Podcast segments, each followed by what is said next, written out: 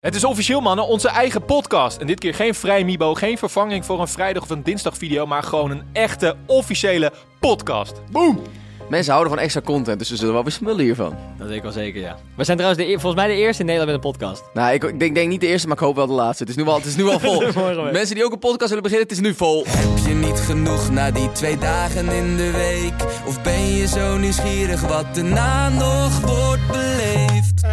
Achter de schermen bij bankzitters. We deden al heel lang een podcast en iedereen die wilde het meer. Alleen we deden het altijd als vervanging van een video en nu niet meer. Want nu krijgen we dus een wekelijkse podcast. En de eerste drie weken is hij te beluisteren op Spotify, op YouTube en op Podimo. En dan vanaf aflevering 4 exclusief op Podimo. En waarom is dat, Koen? Ja, een beetje podcasten staat natuurlijk alleen op Podimo. En je kan dus heel makkelijk daar eh, luisteren en kijken. Want de video wordt daar ook daarop geüpload. Laten we het zo zeggen, we willen gewoon nog een platform koloniseren. Ja, de hè. eh, Monica Geuze, Kai Gorgels, eh, Stijn Toby Jeppe. Dat is dezelfde podcast, hier zit weer.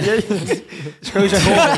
Ik ben het heel even kwijt. Nee, maar even voor de duidelijkheid. Kijk, we hebben YouTube natuurlijk al lang veroverd en overgenomen. Eh, de muziekwereld, daar staan we natuurlijk helemaal bovenaan. eh, met, met kop en schouders steken we boven iedereen uit. Ja, nu is het tijd voor de podcastwereld. Ja, en dan moeten we Podimo dus overnemen. Ja. Kijk, en mensen kunnen daarbij helpen. Want in deze podcast Achter de Schermen nemen we jullie, de luisteraar, mee achter de schermen bij het grootste YouTube-kanaal van Nederland. En dan gaan we allemaal dingen eh, eh, toelichten. Zoals wat gebeurt er bij afterparties of na opnames als Matties de DM weer opent. Wat staat er dan allemaal?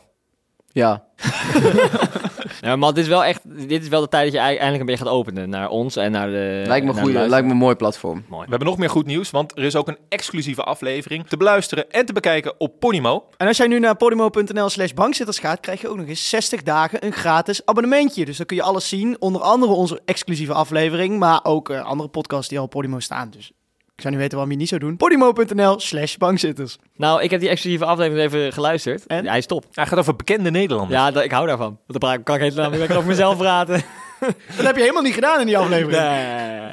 Omdat het de eerste aflevering is, heb ik eh, kaartjes voorbereid voor iedereen. Dat ze zich even in één zin kunnen eh, voorstellen aan de mensen. Oh, maar wacht even. Jij hebt die kaartjes voor ons geschreven. Ja, ja. Ja. Ah ja. Oké, ja, één voor één. Eh, Rob, begin jij maar. Ik ben Robbie, 25 jaar en woon in Eindhoven. Je zou zeggen dat een podcast het enige medium is dat ik zou moeten vermijden, maar ik heb er zin in. Kijk, welkom Robbie. Mattie, Matthias, 28 jaar en kijk er naar uit om gedurende dit podcastavontuur inhoudelijke bijdrages te leveren en de diepte in te gaan zodat ik meer kan vertellen over mijn emoties. kijk, mooi voornemen. Lijkt me een mooi platform, ja. Ik zie trouwens hier op jouw kaartje staan dat eh, avontuur, daar is een eh, letter weggestreept, dat is de D. Ja, er stond eerst avontuur.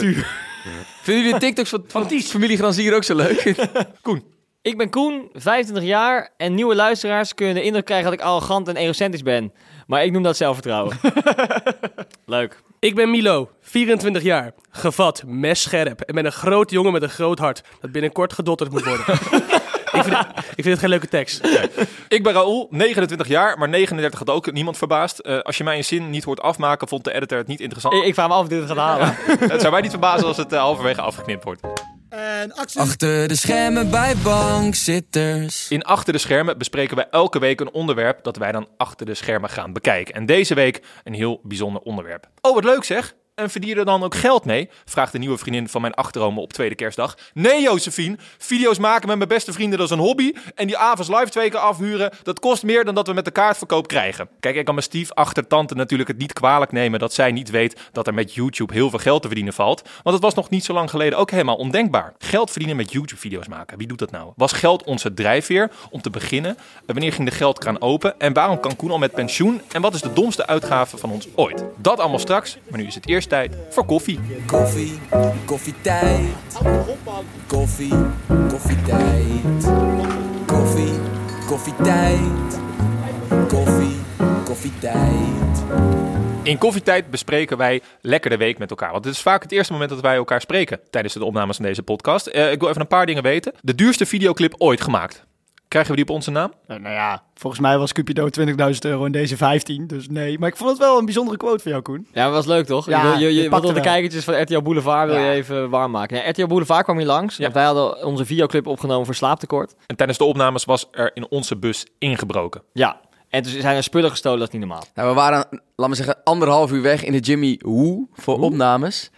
En eh, toen was hij dus helemaal leeg, die bus. Ja. Ja. Stond wel in het centrum van Amsterdam met dus dure tassen op de voorbank, waardoor eh, dieven erin konden kijken. Ah, was niet, zo slim, handig van Niet ons. heel slim. We hebben nog niet eens gezegd dat we zeer geblest zijn, want onze Zoom, dat is ons audio-opnameapparaat, die lag dus nog gewoon zo bam, zo midden in dat gangpad. Die hadden ze dus niet meegenomen, want ze dachten, wat is dit voor, Bom. wat is dit voor een of andere C4 wat hier ligt? Maar als ze die hadden gejat, waren dus alle audio van de hele video kwijt Dat We geweest. was hadden en geen spullen en geen video. Ja, dat was echt een blessing. Sterker nog, we hebben getwijfeld van laten we onze camera in de, in de bus liggen of nemen we mee die club in, terwijl dat we eigenlijk niks gaan filmen. Toen we hebben echt een paar dingen gefilmd, Ja, ja. laten we maar meenemen. Misschien gebruiken we wel één of twee shots. Dat was echt alle Stel, beelden die ook weg. was gejat, dan hadden we echt dan hadden we helemaal geen video gehad. Maar bijvoorbeeld jouw MacBook, Milo, die is niet gestolen. Dat scheelt weer. Klopt, McDonald's boek. Ja, jouw, Mac, jouw, Mac, jouw MacBook, jouw McDonald's boek, die lag op de achterbank, die hebben ze niet gezien.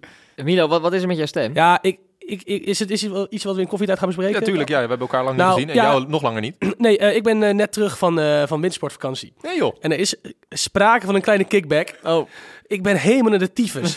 ik heb een soort, ik, ik, ik heb een terminale hiv in mijn keel. En het doet ook pijn als ik praat. Dus ik heb besloten, ik ga niks meer zeggen vanaf nu. Lekker pup. maar, maar heb, je, daar- heb je wat gedronken tijdens eh windsport? Eh, voor de luisteraars, hij schudt nee. Ja, ik heb, wel, ik heb wel een drankje gedaan hier en daar. En heb je ook een Red Bulletje op? Ja, heb ik ook. Oh, zeg, doe even de andere kant. Ja, op. even niet in Sorry. die microfoon. Oh, sorry. Oh, wist ik niet dat dat Alle kijkers besmet. Nee, ik heb erover na zitten denken waar het door komt. En ik, ik weet het wel. En wat was het dan? Te veel gepijpt. nee, ik, ik, ben helemaal, helemaal naar de. Ik heb ook koorts, ik zit hier ridderig. Ik, ik hoor ook, dan hoor ik iemand praten over iets en dan luister ik niet eens. Dus ik weet helemaal niet wat ik hier doe. Maar ik vond, het is zo'n heugelijk moment dat we, dat we die eerste podcast, van, dat we, daar moet ik bij zijn. Anders had ik me normaal wel ziek gemeld. Als, als het volgende week zou zijn, had ik me echt ziek gemeld, hoor. Maar nu denk ik, de eerste keer moet ik bij zijn. Volgende week tijdens onze avondshow. We hebben over een paar dagen avond, je moet echt fit zijn, hè, vriend? Ja, maar, eh, joh, al ben ik niet fit, dan nog steeds eh, komt het wel goed. Ja, maar de kans is groot dat jij weer fit bent, maar dat wij dan ziek zijn omdat wij hier met jou aan één tafel zitten. Oh, de, oh, maar dat is je eigen verantwoordelijkheid. Nee, ik, ben, eh, ik heb een leuke week gehad. Heerlijk, heerlijk weekje. Heb je daar vanaf eh, Wintersport nog een beetje de reacties op slaaptekort kunnen Ja, meekrijgen? heb ik. en ook eh, heel veel positieve reacties. Ja? En die, die deden me goed. En toen dacht jij, ik, ik ben zo blij met die positieve reacties. Ik ga het vieren met nog een extra drankje. Eh, ja, en eh, ik heb ook de titel van het nummer eer aan gedaan. ik heb er echt eh, me helemaal eh, ingestort gewoon. Heb je elke avond gezopen? Ja, ik heb elke avond en ook elke dag. Heb je ook nog geskiet? Eh, heel af en toe. ik heb overdag gezopen, s'avonds gezopen, s'nachts gezopen. Eh, en, dan- en toen dacht ik van nou, om even bij te komen doe ik een vleugeltje. En dan, toen kwam ik wel weer lekker in en ging ik weer door met zuipen. Wij waren bezig met opnames. Ja, het was echt afzien op een gegeven moment. En toen kwamen we terug. En zag ik bij jou om tien uur 's ochtends snapje dat je bier en braadworst aan het nuttigen was. Ja, ja, ja, ja. Eh, dat begon al heel vroeg, maar het, het eindigt ook niet. Dat was een beetje het probleem. Ja, ja, ja. Het is niet dat je zegt van oké, nu, nu, nu is het klaar voor vanavond. Het was gewoon een soort dag na dag, 24-7 s- s- cyclus die maar doorging met zuipen. Ah, eh, Raoul begint nu over de Snapchats. Eh, Milo, jij hebt mij ook een Snapchat gestuurd. Ik denk ook naar Roel. Ik ben benieuwd naar het verhaal achter die pet. Ja, dat, dat was wel mooi. Op een gegeven moment hadden wij een avond dat wij, wij kwamen een van die apres tenten inlopen. We zagen best wel veel mensen lopen met gekke hoedjes of petjes of zo. Bijvoorbeeld iemand die had dan zo'n muts op met twee, eh, oor- met twee soort touwen. En als je dan inkneep, gingen die oren naar boven. Ja, dat, dat, dat soort gekke dingen. En wij hadden besloten van ja, wij, eigenlijk willen wij die allemaal hebben. We willen die voor onze groep claimen. Dus we liepen naar zo'n gozer toe. Toen zeiden we, joh, hoeveel eh, shots wil jij voor, voor dat petje? Toen keek hij Dus dacht hij, ik ga nu iets zeggen dat, dat, dat gaan ze nooit kunnen betalen. Dus die zegt, mm, 15 shots. Maar ja, we, we hadden onze zakken nog helemaal gevuld met die kleine jegermeisjes. Dus wij zeggen, oh oké, we leggen allemaal die dingen neer. En we hadden er vervolgens hadden we er binnen nood aan 30 liggen. We zeggen, oh veel te veel joh. Tellen we er een paar terug. Hier 15, doe je even pakken dat ding van zijn hoofd af en weg. En hij kijkt. En hij moet bijna janken. Want hij, want hij wilde die pet niet kwijt. hij wilde die pet niet kwijt. Aan de pet. En toen kwam hij vervolgens terug zei hij, maar ga, ga, jullie hem echt houden? Oh. Waarop wij zeggen, ja, maar ja, je, hebt hem verkocht aan ons. je, hebt hem net, je hebt een prijs gevraagd en die hebben we betaald. Je hebt hem verkocht. En ja, ja, maar ik wil, ik wil hem eigenlijk wel terug. En we, oh, maar dat kan wel. 50 shots. Toen keek hij zo. En nee, nee, dat kon hij natuurlijk nooit betalen. Nooit. En Was een Nederlander wel? was een Nederlander, ja. En toen uiteindelijk zeiden we, nee, maar geintje, aan het eind van de avond krijg je hem wel terug. Nee, nooit teruggekregen. En da- daartussen zat nog een klein spelletje dat een van mijn vrienden had op een gegeven moment die, die, die muts dan in zijn onderbroek gestopt. En toen liep hij ergens rond en dan gingen wij elke keer zeggen, zeiden we, ja, je bent nu op vijf meter van die, van die muts vandaan. nu op twee meter. en dan uiteindelijk bleek hij dan dus in die onderbroek te zitten om hem vervolgens weer alsnog niet terug te geven. Achter de schermen bij bankzitters. Gemiddeld maken wij nu al bijna 10 jaar video's en niemand van ons is begonnen met geld verdienen als drijfveer. Geld verdienen met YouTube was haast ondenkbaar. In 2015, het jaar dat ik mijn YouTube-kanaal begon, heb ik 258 video's geüpload die bij elkaar 8,6 miljoen weergaven kregen en daarmee verdiende ik 6337 euro. Dat is 70 cent per duizend weergaven en gemiddeld 25 euro per video. Met het bijbaantje dat ik op dat moment had, verdiende ik meer. En nu in 2024 krijg je soms meer dan 5 euro per duizend weergaven. En dan heb je nog campagnes en merchandise en doen we 40 optredens per jaar. Even terug naar het begin. Wanneer begonnen jullie met geld verdienen met YouTube? Nou, ik weet het nog wel. Want eh, ik had dus in Volderwijk, vroeger. En ik vond dat echt verschrikkelijk, want dat leek echt veel te veel werk. Met je broertje samen, toch? Mijn broer. Dus ik, ik kreeg dan iets van 10 euro voor dat volgens Ah, 10 is trouwens te veel. Ik denk 7 euro. En dan gaf ik mijn broertje gaf ik 50 cent. En die deed dan de helft. Ha, Geniaal, hè? Toen al, hè? Ondernemers in je bloed, hè? Toen al. Dit is, dit is niet, niet normaal. En op een gegeven moment werd het, Niet normaal. het, werd- het werd winter en dan had je van die koude vingers. Dan was ik er met mijn tas omgegaan met al die folders erin. dacht van, dit wil ik niet meer. Dus toen dacht ik van, eh, nou, ik koop zo'n eh, apparaatje waarmee ik eh, gameplay kan opnemen, zodat ik YouTube-video's kan gaan maken. Maar daar gewoon voor de lol, toch? Ja, voor de lol, ja, voor de lol. Ik dacht van, dan kan ik wat gaan doen eh, in mijn vrije tijd. En ik wilde eigenlijk stoppen met die folderbaan. Alleen ja, ik verdiende er geen geld mee. Mijn ouders vonden dat ik moest werken. En Dus toen, het was echt symbolische werk vanuit je ouders. ja, het was echt, ja, ja, oprecht. Het was gewoon, mijn ouders vonden dat ik gewoon iets moet doen waar, waardoor ik zelf de bioscoop kon betalen. en zo. Ik moet altijd zelf, alles zelf betalen, hè, vroeger. De bioscoop. Wauw, wat tof, lijf. Ja, ik, nee, maar ik, dan, dan, nee, maar, nee, maar Alsof het nee, zo- het- het nee, ding in het leven. nee, maar Milo, nee, Milo, ik kocht dan gewoon dat pand. Maar je moest het zelf betalen. Dat is wel, ik denk dat niet veel kijkers kunnen relaten. Ja, dat je het zelf moest betalen. Nee, maar Ja, alsof het zo Met bijzonder kerst is. kreeg je dan heel veel cadeaus en die mocht je dan met Koningsdag mocht je die weer op een kleedje gaan verkopen en mocht je het geld houden. Klopt, ja, klopt, klopt. Maar moet, moet je dit nou vertellen? Daar, daar gaat het nu om. Het gaat erom dat ik toen na iets van een half jaar of eh, drie kwart jaar, toen eh, kon ik tekenen bij een YouTube management. En dat zat in Amerika. En toen kreeg ik na drie maanden kreeg ik een brief thuis gestuurd. En dat was echt, nou, de kijkers zien het, maar dat was echt heel, een hele dikke brief. En er stond dan een soort van, eh, iedereen die mijn video had bekeken, die stond erin met de naam of zo, weet ik het. En daar stond er onderin dat ik 30 dollar had verdiend die maand. En toen kon ik aan mijn ouders laten zien van luister, ik verdien nu 30 dollar hiermee. Dat is evenveel als ik verdien met mijn, met mijn folderwijk. Dus mag ik nu stoppen met mijn folderwijk? Toen zei ze, ja, is goed. Kijk, boom. Kijk, Matt werkt ook voor YouTube. Ja, ik werkte in de supermarkt. man. Kijk. Ik heb vier jaar eh, bij de Co-op gewerkt. Even een dikke shout-out naar Co-op de jonge meiden. Bij mij sloeg het wel na een paar jaar YouTube al om, hoor. Dat ik meer verdiende met YouTube. Het was voor mij... Ik denk dat voor ons allemaal geldt. Het eerste moment waarop we echt een beetje gingen verdienen... waren die coinsponsors die echt achterlijk veel betaalden eigenlijk voor die tijd al. In verhouding. in verhouding. Ik kreeg een paar honderd euro per maand om die, Ja. om die debiele coins eh, te Even voor de promoten. duidelijkheid, dat is dus FIFA was een spel dat we speelden. En daarop kon je munten kopen. Ja, dus niet officieel, maar Digitale hele, valuta, hele ja. zwarte markt kon je munten kopen die je kon Ja, het gebruiken. was in het eigenlijk een soort van illegale Chinezen die waren oprecht die coins aan het genereren in dat spel ergens. En die, via de zwarte markt kon je die dan zelf op je account zetten. Dat mocht eigenlijk helemaal niet van het spel, was tegen de regels. Maar dat was echt een bizar grote markt op een gegeven moment. Want het was veel goedkoper dan via FIFA zelf die packs kopen. Het werd wel een beetje gedoogd. Nou, Het werd helemaal Nee, niet gedoogd, maar ze niet. vonden het helemaal niet leuk hoor. Nee. Maar ze hebben er al drie jaar over gedaan om het te, Dus ze wisten die eraf hoe ze het aan moesten pakken, Ja. toch? Nou, dan zou dat wel zijn geweest. Toen zat ik met zo'n gast die eerst in het leger had gezeten, maar die was op een gegeven moment afgekeurd of zo. Zat ik op Skype te praten, die had zo'n illegaal dingetje opgezet. die had ik zijn webcam aan met zo'n AK-47. Nee, ja, als, als zijn webcam, ik, weet, ik weet ook eigenlijk helemaal niet wie die gast is. Misschien, misschien ik weet niet, leeft hij wel helemaal niet meer? Ik heb geen idee. Voor mij kon hij nooit meer uitgezonden worden. En wilde hij nu soort van, dat hij onges, arbeidsongeschikt was geworden, wilde hij dan dit als handeltje erbij doen. Maar dan kreeg je dan 300 euro per maand voor of zo, om dan in elke video zo'n Daar hebben mensen geld aan verdiend, jongen. mooie tijden waren dat. Jij werkt ook in de supermarkt, Rob? Ja, ook supermarkt. Eerst eh, C1000, dat werd toen later Jumbo, want die kochten bij mij in de buurt natuurlijk alles op. Eh, en toen het Jumbo werd, was ik ook na een maand werd ik buiten geflikkerd. Jij was een soort van ontslagen. Bij C1000 was het gewoon chill. En alles mocht. En toen bij Jumbo, zeg maar, die kwam er zo'n heel nieuw mocht je niet team praten werd zo, zo. van buitenaf werd erheen gestuurd. En die gingen het even allemaal, allemaal regelen, weet je wel. Nou, toen zijn er echt, denk ik, eh, van de tien mensen die daar werkten, zijn er gewoon zeven ontslagen. Het is gewoon helemaal vernieuwd, weet je wel. Omdat het gewoon nu, de nieuwe wind eh, moest daar waaien. Maar ik moet ook wel zeggen dat het toen wel lastig was. Want ik twijfelde toen al een beetje, wat Matt ook zei, van... Je ging op een gegeven moment meer verdienen met YouTube dan met dat. Dus dan kom je een beetje in dat kantelpunt. Jij zei dat, Koen zei dat. En dat was toen, ik zat precies op dat punt. Dus eigenlijk was het wel lekker dat ik kon slagen. Want toen dacht ik ook van ja, nou, het boeit me eigenlijk ook niet. Want ik ga nu gewoon alleen maar YouTube doen. Zeg maar, dat, dan zat je net rond de 200 euro denk ik per maand. Wat je ongeveer daar bij de Jum- Jumbo verdiende. En ook bij, de, bij, de, ja, nou, bij, bij- YouTube met dingetjes. Had jij nog werk hiervoor? Eh, nee. Nee, ik heb geen, eh, geen bijbaan gehad. Lui hond. Eh, maar ik, ik zit te denken, ik weet dat ik op een gegeven moment wel... ehm, dat, dat, dat livestreamen ook best wel iets was waarmee je Ja, re- relatief meer geld verdiende dan, donaties, video's. toch? Ja, want dan had je, je kon eh, op Twitch was dat dan, dat is een ander platform. En dan had je inderdaad donaties en je had eh, die eh, subscriptions. En voor mijn gevoel was dat, zeg maar, qua tijd was dat meer winstgevend dan een video maken op dat moment. Ik weet niet, ik weet niet of dat, eh, of dat Zou kunnen, want ja, als je gewoon ehm 100 mensen had die jou volgden en dan zo'n subs- subscription nam op Twitch, dan kreeg je van Ja. die extra emojis of zo. ja, en ik had chat, hele leuke emojis. Ja, dan, als kreeg je wel bijvoorbeeld, 2 tot 3 euro voor Eh, het door, eh, persoon. door mij helemaal getekend eh, hoofdje van David Lewis kon je dan, eh, kreeg je dan als emoji. Ja, maar daarom, als, als er 50 mensen geabonneerd waren, je kreeg 4 euro in donaties. Klopt. Plus, ik, heb, ik ben natuurlijk een jongen maar die heel veel goodwill heeft. En op het moment dat je naar mij zit te kijken en je denkt, die jongen kan ik een donatie doen, dan doe je dat. Terwijl van tevoren, voordat je een video aanklikt, weet je dat niet. Ja, en ze dachten van mij ook dat het een soort make-a-wish was.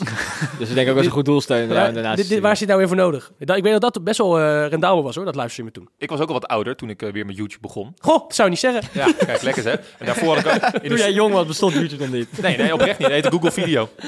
Hij is het wel, ja, oprecht. Je bent echt veel eerder dan wij begonnen Ja, eigenlijk. ja echt eh, 2000, eh, 2010 of zo. Ziek. Heel lang. Eh, ik had daarvoor in de supermarkt gewerkt. Twee weken. Toen was ik gestopt. Want eh, ik moest twee keer twee uur werken. En ik verdiende 1,80 euro per uur. Ja, dat kan Eh, niet. en ik moest, ik moest een half uur heen en een half uur gulden was terug dat nog. ik moest een half uur heen en een half uur terug fietsen. Toen kreeg je een voedselbond. En, en, en een tulpenbond.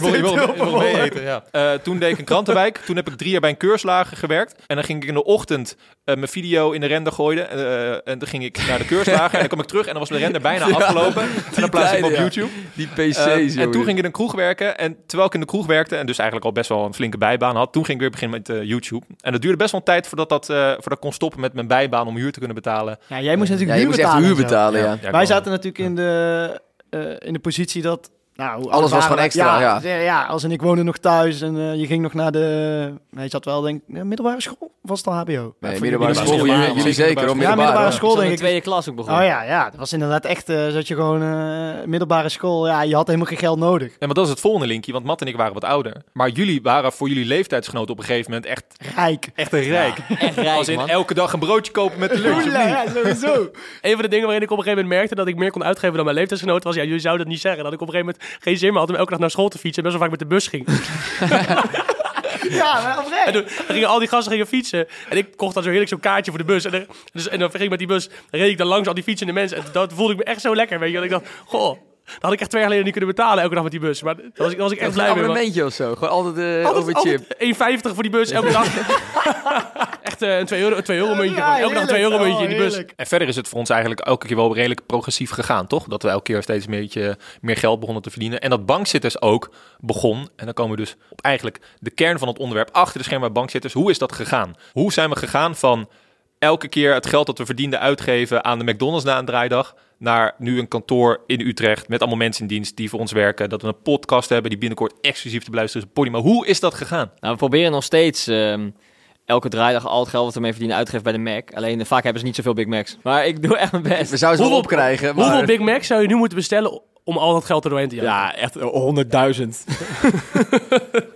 Wat was het kantelmoment? Dat we een beetje campagnes begonnen te krijgen, dat onze merchandise begon. Ik denk dat dat, eh, dat omslagpunt een beetje is gekomen toen wij van eh, samenwonen. Hè, toen Raoul, Koen, Matti en ik nog samenwoonden in, eh, in de buurt van Rotterdam. In een huis. overgingen naar het kantoor. Dat dat wel echt, echt het kantelpunt was.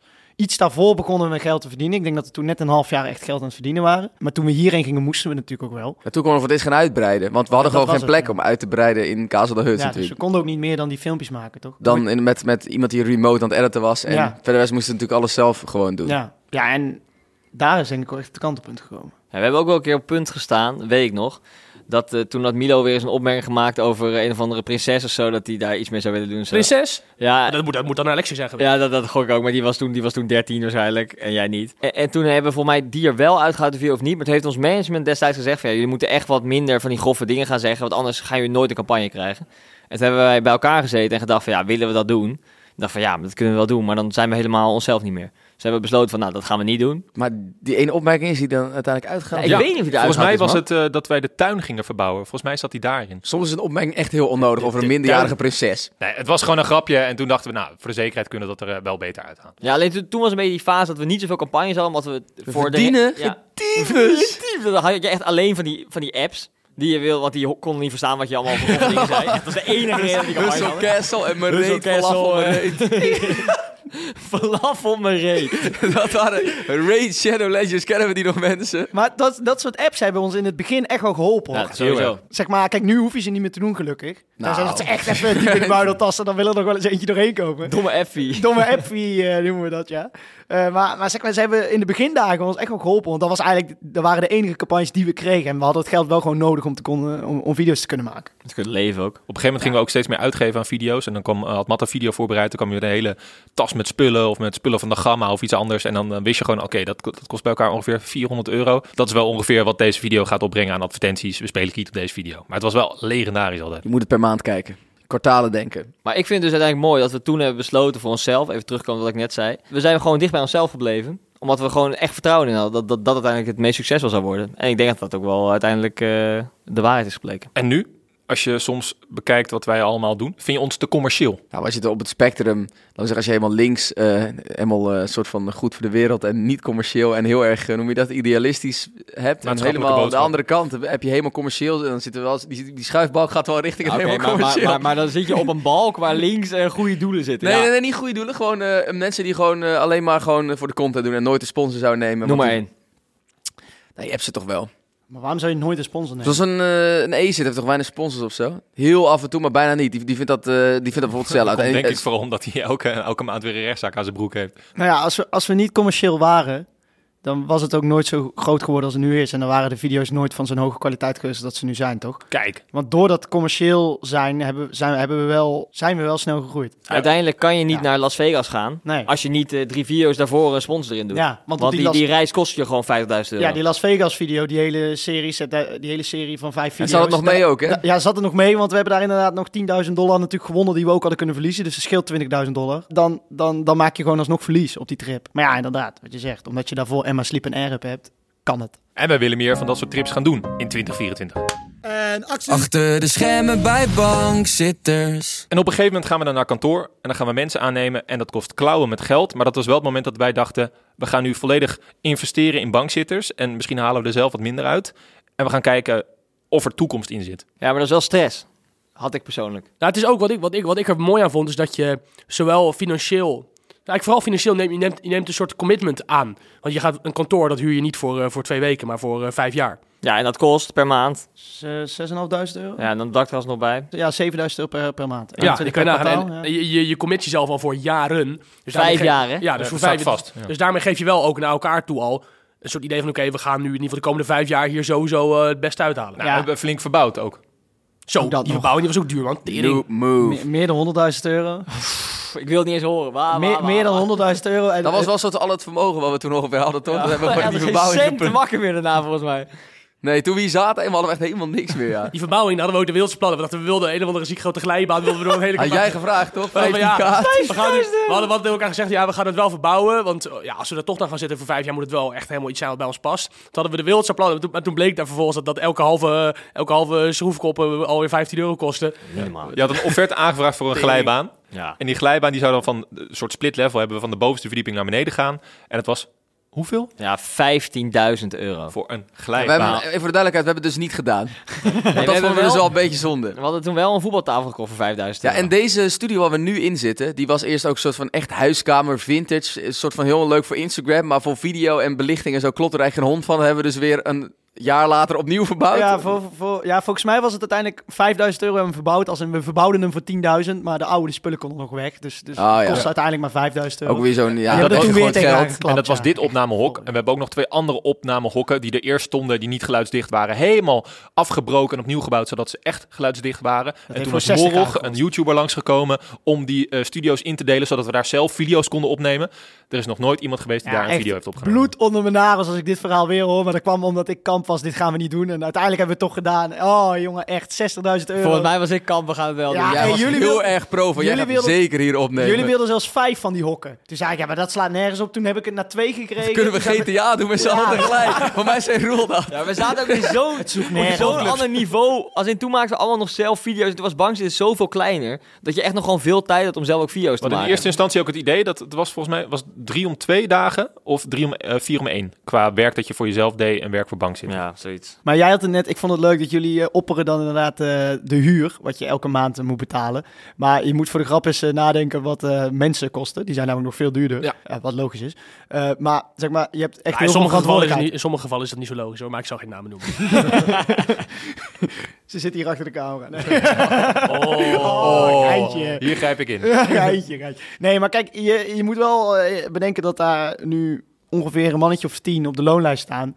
Eh, en, en zeg maar, kijk, als we een maandje wat minder verdienen, dan eh, kan ik tegen jou wel zeggen van, hé, hey, eh, betaal je even twee weken later. Oh, moet je proberen, vriend? Ja, maar dat zou in theorie zou dat kunnen. niet meer wordt Milo's heel boos. Aangezien wij nog een soort van zelfde eigenaar zijn. Maar we hebben op een gegeven moment natuurlijk een commitment afgegeven aan elke keer als we mensen aannamen. Van ja, die moet je gewoon op de 23ste van de maand allemaal betalen. En als dat gewoon tien keer eh, een salaris is, ja, dan snapt iedereen die dit kijkt ook wel dat dat best wel een klap geld Maar, is die je eh, elke maand eruit gooit. Hebben jullie daar geen stress van? eh, nee, ik heb meer eh, verantwoordelijkheidsgevoel daarover. Ja, dat ik denk, ik, oké, we moeten wel leveren, want de 23ste is een soort van altijd de belangrijkste dag van de, van, van, van de maand van het moet er weer uit allemaal. Ja. Dat moet gewoon wel geregeld Ja, zijn. ik, ik Nou, wel stress over dat we heel veel personeel hebben, maar niet dan met geld. Meer met, eh, ze, vinden, ze moeten het leuk vinden en zich veilig voelen en uitgedaagd zijn en eh, hier op een plek zitten. Nou, daar Maar- gaat deze, keer- deze aflevering niet over. Nee, nee, nee, klopt. Maar dat, dat heeft geld en salaris natuurlijk ook wel mee te maken. Maar- ik denk niet dat zij eh, zeggen van... hé, hey, deze maand, we doen even geen salaris... eh, want eh, onze management fee is verhoogd. want, want wij verdienen te weinig. Nee, maar kijk, dat, dat jij stress hebt, dat vind ik dan wel weer een soort onnodig eigenlijk ook. Want geloof mij maar dat het wel goed in elkaar zit. Zeg maar, als wij nu de komende drie maanden niks zouden doen, is er nog geen probleem. En ik denk nog wel langer is er geen probleem. Want zo wordt het wel ingericht, toch? We hebben toch bepaalde zekerheden wel ingebouwd dat ik zeker weet dat je aan het eind van de maand eh, je personeel kan betalen en je huur. Ik zit ook net nu te denken over die hokken, even terugkomend. Eh, we wilden dus vijf van die hokken dan met z'n vijf GTA kunnen opnemen. We GTA, dat is echt een meme, dat hadden we nooit als plan, hè? Profclubs. Nee, profclubs. we hadden wel, of Among Us of zo. Ja, dat, Hadden we wel- ja, ik zweer het, je, ik zweer je. Potje Among Us. ja, dat speelde je toen toch allemaal? Guys, ja, echt. Dat was Alleen- toen allemaal kwam uit Castle de Huts. Toen deden we dat letterlijk elke dag. Alleen dan waren die vier opnamehokken waren onze slaapkamers. Ja. Maar, maar kan je, als in toen waren er misschien zaten er twee of drie mensen beneden. Kan je je voorstellen dat nu al die mensen beneden zitten, allemaal hard aan het werk. En dat wij met z'n vijven GTA aan het doen zijn? Dat kan heel. Heel hard schreeuwen.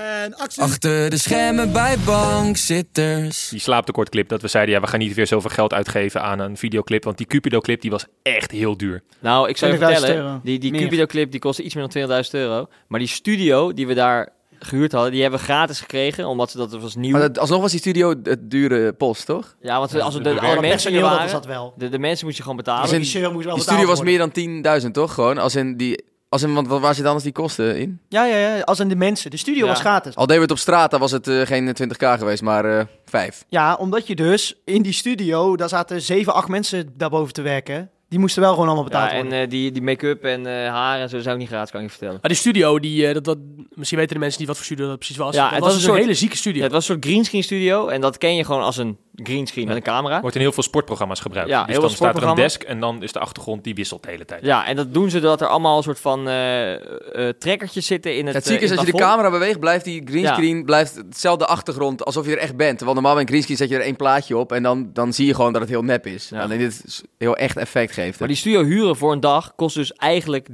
30.000 euro.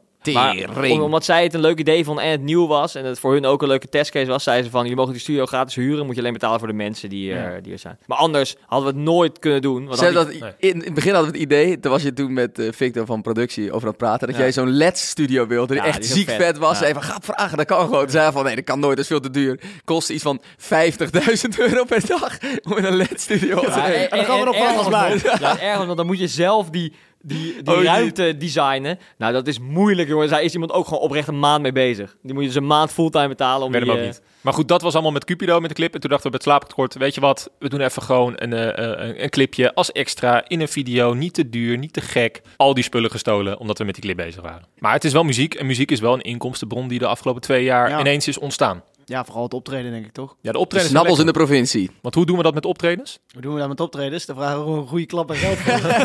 Kom een half uurtjes zingen. nou ja, we komen een half uur maar even, fe- even een feestje bouwen hoor. Ja, of drie kwartier tegenwoordig ook. Je kunt veel zeggen, maar onze shows zijn echt leuk. Weet je, over even oh, eh, binnen het thema geld blijvend. Ik had dus verwacht dat we, we met die avondshow veel meer zouden verdienen. Maar dat, dat valt dus vies tegen. Ja, klopt. Maar dat komt ook wel omdat wij sommige kostenposten echt heel hoog hebben. Ja, we hebben ook Ja, uit onze eigen zak zitten vissen om dingen Ja, voor- nee, elkaar te krijgen. Ik dacht dus, je kan best wel makkelijk een hele vette show in de avonds maken en er nog steeds veel op verdienen. Maar als je echt een vette show wil neerzetten, dan ben je eigenlijk al je winst alweer kwijt omdat je het daaraan uitgeeft. De AFAS is daar misschien net te klein voor. En wat sommige mensen dan doen, die huren dan AFAS, maar die hebben een soort wereldwijd tournee. Dus die houden een podium, halen ze dan eh, naar elk land Ja. toe. Tuurlijk, en dan, tuurlijk, dan ja. spreid je je kosten natuurlijk. Maar wij hebben maar twee shows op Maar één meer dag. het, het idee dat je de AVAS Live, wat gewoon echt op, op, op de Ziggo Dome misschien wel de grootste eh, venue is die Nederland te bieden heeft. Als je daar gewoon een beetje... Het is ook niet zo dat wij daar eh 50.000 dansers hebben en overal eh, door die zaal gaan vliegen als eh, Tarzan. Gewoon, Oh, je verklapt nu dingen. oh, Je sorry. verklapt nu dingen. sorry, sorry. Misschien gaan we dat wel doen, mensen. Kom maar kijken. Nee, maar wij hebben wel, voor avonds hebben we echt een hele vette show. Ja, we hebben gewoon echt een vette show. Maar wel wat ik van tevoren al in mijn hoofd had van... Oké, zo vet moet het wel ongeveer gaan worden. Maar we hebben het toch ook wel nodig. Het moet echt heel vet zijn, want, want mensen moeten gewoon heel Oh, leuk het wordt moken vet gewoon. Laat ik moken Ik vind het Zo zin in, jongens. Ik, ik vraag me af hoe dat bij andere artiesten gaat, maar ik denk dat wij heel, best best wel betrokken zijn bij onze show in, in geldopzicht, dat er dan wordt gezegd van ja, eh, deze opties kunnen eigenlijk niet. En dat wij dan zeggen, jawel, doe maar wel, we betalen het zelf wel. Ja. Ik kan me niet voorstellen dat dat heel vaak gebeurt. En stel het gaat naar ons, gaat het alsnog door vijven. Dus het is makkelijker om te zeggen, Ja. nou dan doen we het wel. Dat is vaak bij dingen. Dan denk je, poeh, weer 1000 euro weg, poeh, weer 1000 euro weg. Dan denk ik, 200 ja, euro. doe eens maar 200 euro voor mij. ja, zo werkt het natuurlijk niet, maar in Ja, gedachten wel. toch, had, toch ik bij die auto-inbraak dat ik dacht, hm, 5000 euro gedeeld door 5. Oh, dat is wel even 3000 euro dat je kwijt bent. Ik dacht, hmm, het is niks voor mij bij boeien. Nee, ik vond het echt erg voor je. Vooral je crème vond ik echt erg. ik kreeg dan van Stijn van Vliet een DM'tje dat hij het heel grappig vond dat jouw crème gejat was. En jij haalt net eh Stijn van Vliet aan, nu we het toch over geld hebben. Niet dat Stijn zo duur was, dat ga ik nu niet zeggen. Maar Stijn was spotgoedkoop. ja, die heeft natuurlijk geen eerste, geen laatste van ons. Moet je niet zeggen. Als we nog een seizoen met hem willen doen, dat was fantastisch. Stijn zit luisteren, je bent veel te goedkoop. Als je het dubbel had gevraagd, had Hij ik zei gedaan. ook, ja, kijk, eh, eh, Tobias, die is bizar commercieel, maar ik, ja, ik doe het gewoon. Hij deed ook echt fucking leuk. Echt goed. Maar hij heeft natuurlijk eh, het eerste seizoen van geen eerste, geen laatste eh, gepresenteerd. Het Onze enige eerste seizoen. formatje. Ja, ons, eh, de eerste keer dat wij op ons YouTube-kanaal dus een, een echt format hebben gemaakt, echt geproduceerd ook. Als je dat ook zag, die studiodag. Ik heb daar zo'n mooie foto van, ik denk wij allemaal wel. Toen was ik toch een beetje trots, eh, met hoe die hele setting die daar gebouwd was. En zo'n camera op zo'n rails die dan ging rijden en zo. En, nou, ja, fantastisch. Ik denk dat er 10 tot 15 man rondliepen aan crew die allemaal meewerkten van productie tot aan geluid, tot aan video, alles. Dat was natuurlijk onze eerste grote productie. Eh, en over geld gesproken, ook by far onze duurste productie ooit. Eh, daar zat natuurlijk ook een sponsor aan gekoppeld. Die hadden we wel echt nodig. Anders kon je niet doen. Ja, je kon het doen omdat het echt tof was voor jezelf en je vond het leuk. En Ja, alleen ik denk de dat als je dan als bedrijf daarna had gekeken, wetende dus dat je ook die mensen, dat je mensen loon moet betalen en huur moet betalen, dan was het geen hele eh, goede beslissing geweest om te zeggen, nou, we gaan het gewoon doen, want het is leuk. Dat risico was veel te groot geweest. Dus gelukkig dat Erp daarop instapte. Eh, die hebben daarvoor gezorgd dat we het konden produceren en het risico konden afdekken van, oké, financieel gaat het in ieder geval lukken. Maar dan is als je dus format gaat maken, dan krijg je dus een heel ander speelveld. Van Ja. helemaal van tevoren goedkeuren. Dat het zo lang voordat alles dan ook online staat. Dat is echt een ander spel eigenlijk Ja. dan, dan YouTube. Dat is wel een half jaar overheen gegaan. Wat wij nu in, doen. in maart eh, begon het balletje te rollen van Gergel. Ja. Vorig jaar maart. En het kwam in november. Ja, Ja, ja, no- ziek. ja, november kwam het Ja, online. die maken is duur, man. Het voordeel was nu wel ook dat volgens mij was in de eerste opzet hadden we een opzetje van 40.000 euro of zo. Dat zou het wel kosten. Maar toen stapte Erp, Erp in en toen konden we dus wel zeggen van oké, schaal dit iets op. Dan kunnen we het iets vetter maken. Kunnen we er iets mee op uitpakken, waardoor dat het nog wel... Maar bij deze serie was het ook nog een risico van hoe erg het gaat scoren. Want je weet natuurlijk nooit hoe zoiets valt.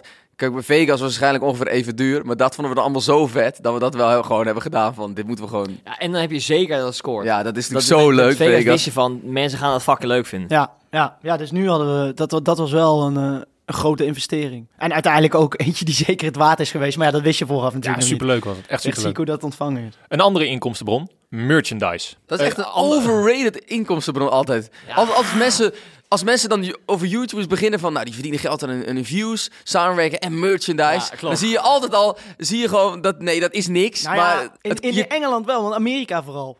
Ja, dat, is een mer- dat is een merchland en Enzo Knol. Dat is de enige... Ja. Ja, dat denken we, dat weten we niet, dat Enzo Knol dat is. Maar wij in ieder geval niet. Laten we daarop houden. Maar met merchandise, maat, als je zo'n David Dobrik of zo'n Mr. Beast of Logan Paul, maat, die verkopen, jongen. Dat, dat, dat, dat, dat is volgens mij, op een gegeven moment heeft Logan Paul toen in zijn tijd dat hij nog dagelijks vlogde, zei hij nog van, ja, merch is mijn grootste inkomstenbron. Ja, dat kan ik me echt niet voorstellen, man. David Dobrik verdiende niet eens geld aan zijn video's, hè, want die waren allemaal gemonetized. Die verdiende alleen maar geld aan merchandise. Toen wij onze merch uitbrachten, toen vonden we echt van, het moet echt goede kwaliteit zijn. Ja. Maar aangezien het goede kwaliteit is, wordt het ook duur. Ja. Want we verdienen per shirt helemaal niet zoveel aan die merchandise. We zouden evenveel verdienen aan een shirt dat we verkochten voor, eh, of een trui dat we verkochten voor 60 euro, als dat we een goedkope shirt van 20 euro zouden eh, ja, laten maken. alleen dan heb je een shirt en dat is gewoon kut. Na drie keer wassen Ja, kan je het weggooien. Wij hebben op een gegeven moment hebben wij zo'n video een keer gemaakt in het verleden dat wij de merch van andere YouTubers gingen raten. Ja, daar konden we dus zelf niet meer en dan, aankomen. en dan zie je gewoon van die dingen en dan zie je zo'n zo'n zo'n creppapier shirt met dan het logo van, uh, van Royalistic erop. Of, of, of, en dan denk je, wat is dit voor tyfuszooi? En Ja, maar konden, dat wilden we zelf nee, niet dat wilden we zelf niet doen. Wij wilden op het moment dat, op het moment iemand onze merch ging kopen, dat het ook echt vet was en goede kwaliteit. Dat, dat wilden wij creëren. Maar ja, daardoor was het wel duurder. maar Zouden wij daar dan niet de fout hebben gemaakt? Misschien wel. Nou, ik ja. denk dat onze grote fout was dat we eh, best wel kleine oplagen hadden in het begin. En dat verkocht helemaal uit. En toen dachten we, nou, dan gaan we nog grotere oplagen bestellen voor daarna. En toen was de hype een beetje dood van de merchandise. en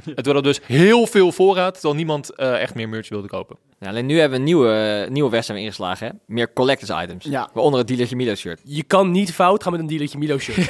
je, je kan niet voor lul lopen ermee. Het is handig. Daar moet je echt de club mee induiken, Je hebt meteen die prijslijst bij de hand. Stel je loopt binnenkort een keer in de club, jij, en dan kom je iemand tegen met een dealertje Milo shirt. Dat, dat, dat gaat, dat gaat natuurlijk gebeuren. Dat gaat gebeuren. Maar ik, hoor, ik, hoorde, ik hoorde luisteraars nu denken, Milo, waar kan ik dat bestellen? Nou, ik zou graag willen zeggen diertjemilo.nl. Dat is niet zo. Dat kan uiteraard op Die site bankzitters.nl. wordt echt nauwlettend in de gaten gehouden door de overheid. Daar moeten we even mee op... op eh, Nee, maar ik heb, er is, er is even binnen het thema geld. eh, er werd dus laatst aangebeld bij mij door de politie. Die kwam even de vliering controleren. Maar ik had net alles eh verscheept naar een andere loods. Maar dat kost, dat kost best wel veel. Dat had ik helemaal niet verwacht. Outsourcing kost, dat kost veel meer, maar het- blijkbaar was het wel nodig. Goed dat ik het gedaan heb. Voor de mensen die er niks van snappen, er was ooit een gimmick eh, in een video. Hele leuke video trouwens. 24 uur wakker blijven door de bank zitten. Dus dat Milo ineens dealer was, dealertjemilo.nl. Ik weet niet eens hoe die grap ontstond, maar ineens was jij dealertje Milo. Gimmick, daar ben ik al lang, man. Alleen nu pas kwam ik er vooruit. Oké. Het is al heel lang een goed lopende site. Je moet die video even kijken, dat is heel leuk. Ja, en natuurlijk wel bestellen. Diertjemilo.nl. En nog even terugkomend op de collectors items. Ook tijdens de AFAS Oh ja. komt er een collectors item shirt.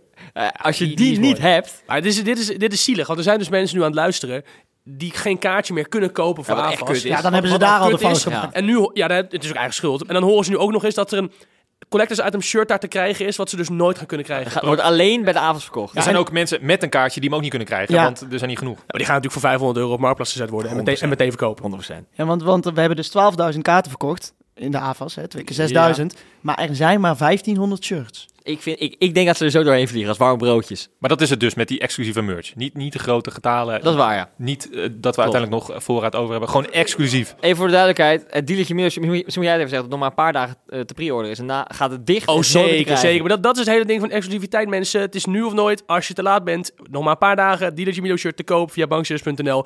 Hebben of niet hebben. Het is aan jou, maar je bent te laat. En actie. Achter de schermen bij bankzitters. Elke week vragen we ook aan een van onze luisteraars een leuke anekdote over het onderwerp dat we bespreken. We hebben een story geplaatst op onze Instagram en we hebben gevraagd of mensen nog een leuke eh, verhaal hebben, een leuke anekdote over geld. En er kwam er eentje en die vond ik fantastisch. Hij is van Matthias. M-A-T-I-A-S. Maar even voor de duidelijkheid, het is niet deze. Nee, is niet die. Een andere Matthias. Oké. Dit is een verhaal over een vriend van Matthias en die had een vriendin. En dat is uitgegaan. En daar baalde hij enorm van. Dat vond hij verschrikkelijk. Dus hij probeerde contact te zoeken met zijn vriendin. Dus die Matthias stuurde een verhaal in wat helemaal niet zijn verhaal is. Nee, klopt. Het is die vriend die kijkt dit nu, of die luistert dit nu, en die, die ziet ineens zijn hele persoonlijke verhaal hier. Ja. Nou ja, en het is fantastisch. Het is heel wanhopig, maar wel fantastisch. Hij probeerde haar op eh, WhatsApp een bericht te sturen. Geblokt. Instagram dan, bericht zeg. sturen. Geblokt.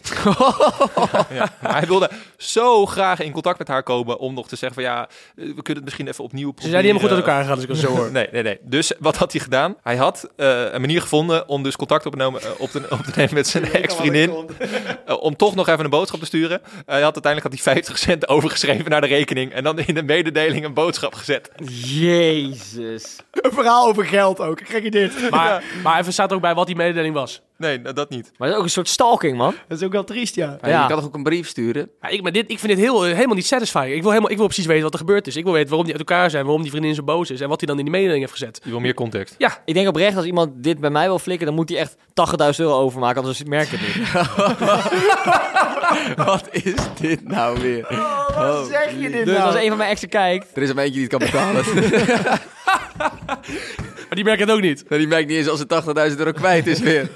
Waarom doe je dan 50 cent? ja. dat zou ik ook niet. Maar dat als het- dat heb je toch oprecht niet door? Of kijken jullie ooit Ja, op maar- rekening? Of is Nee, dat omdat, nee, omdat die geld hebben leeftijd heb je, heb je dan 1 euro op je rekening. En dan is het en dat, als je nou de 100 euro hebt, dan merk je het eigenlijk al niet. Nee. Alleen, je ziet toch gewoon die afschriften. Kijk gewoon even doorheen, denk Je ik. ziet ook een bijschrift en je denkt, eh, waar komt dat vandaan? Maar kijken jullie naar je afschriften? Maar misschien is dat eh, wel omdat we... Dat, ik heb eigenlijk dus nooit... Want jij zegt 1 euro, maar dat hebben we denk ik allemaal nooit gehad. Dat je maar 1 euro had. Toen ik 18 stond ik een keer eh, in de supermarkt een croissantje te halen.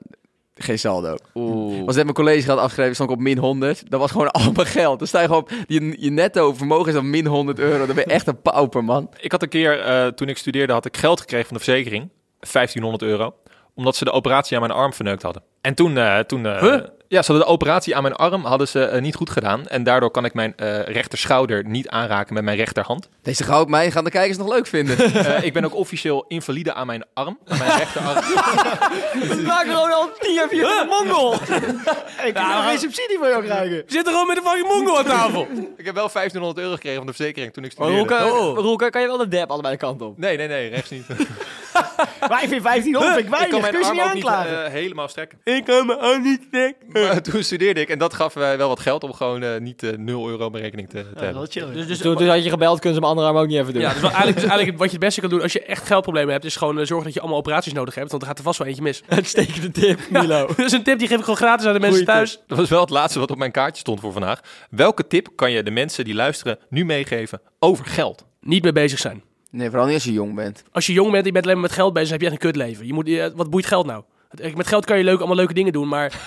Ja, Dus, dit is... oh, dit, eigenlijk nu ik het zo zeg, boeit het eigenlijk best wel veel. Veel sparen mensen. Nee joh, je wilt toch... eh, het geld wat je hebt, wil je toch ook aan leuke dingen besteden? Dus doe dat gewoon. Maar wel werken dus. Geld moet rollen. Wel werken. Oh, en je moet altijd werken. Kijk, Ja, voor ons is natuurlijk een lastig iets. Ja, Tenminste, als ik uit mijn eigen persoon. Want ik heb dus nooit het idee gehad van... Shit, ik kan het niet kopen. Geldzorgen zijn wel echt taai, man. Ja, dat geloof dat ik wel. is echt stress. Dat geloof ik wel, ja. Als in, eh, te- toen ik eh, 16 was, ja, dan verdien je gewoon al 1000 euro of meer per maand.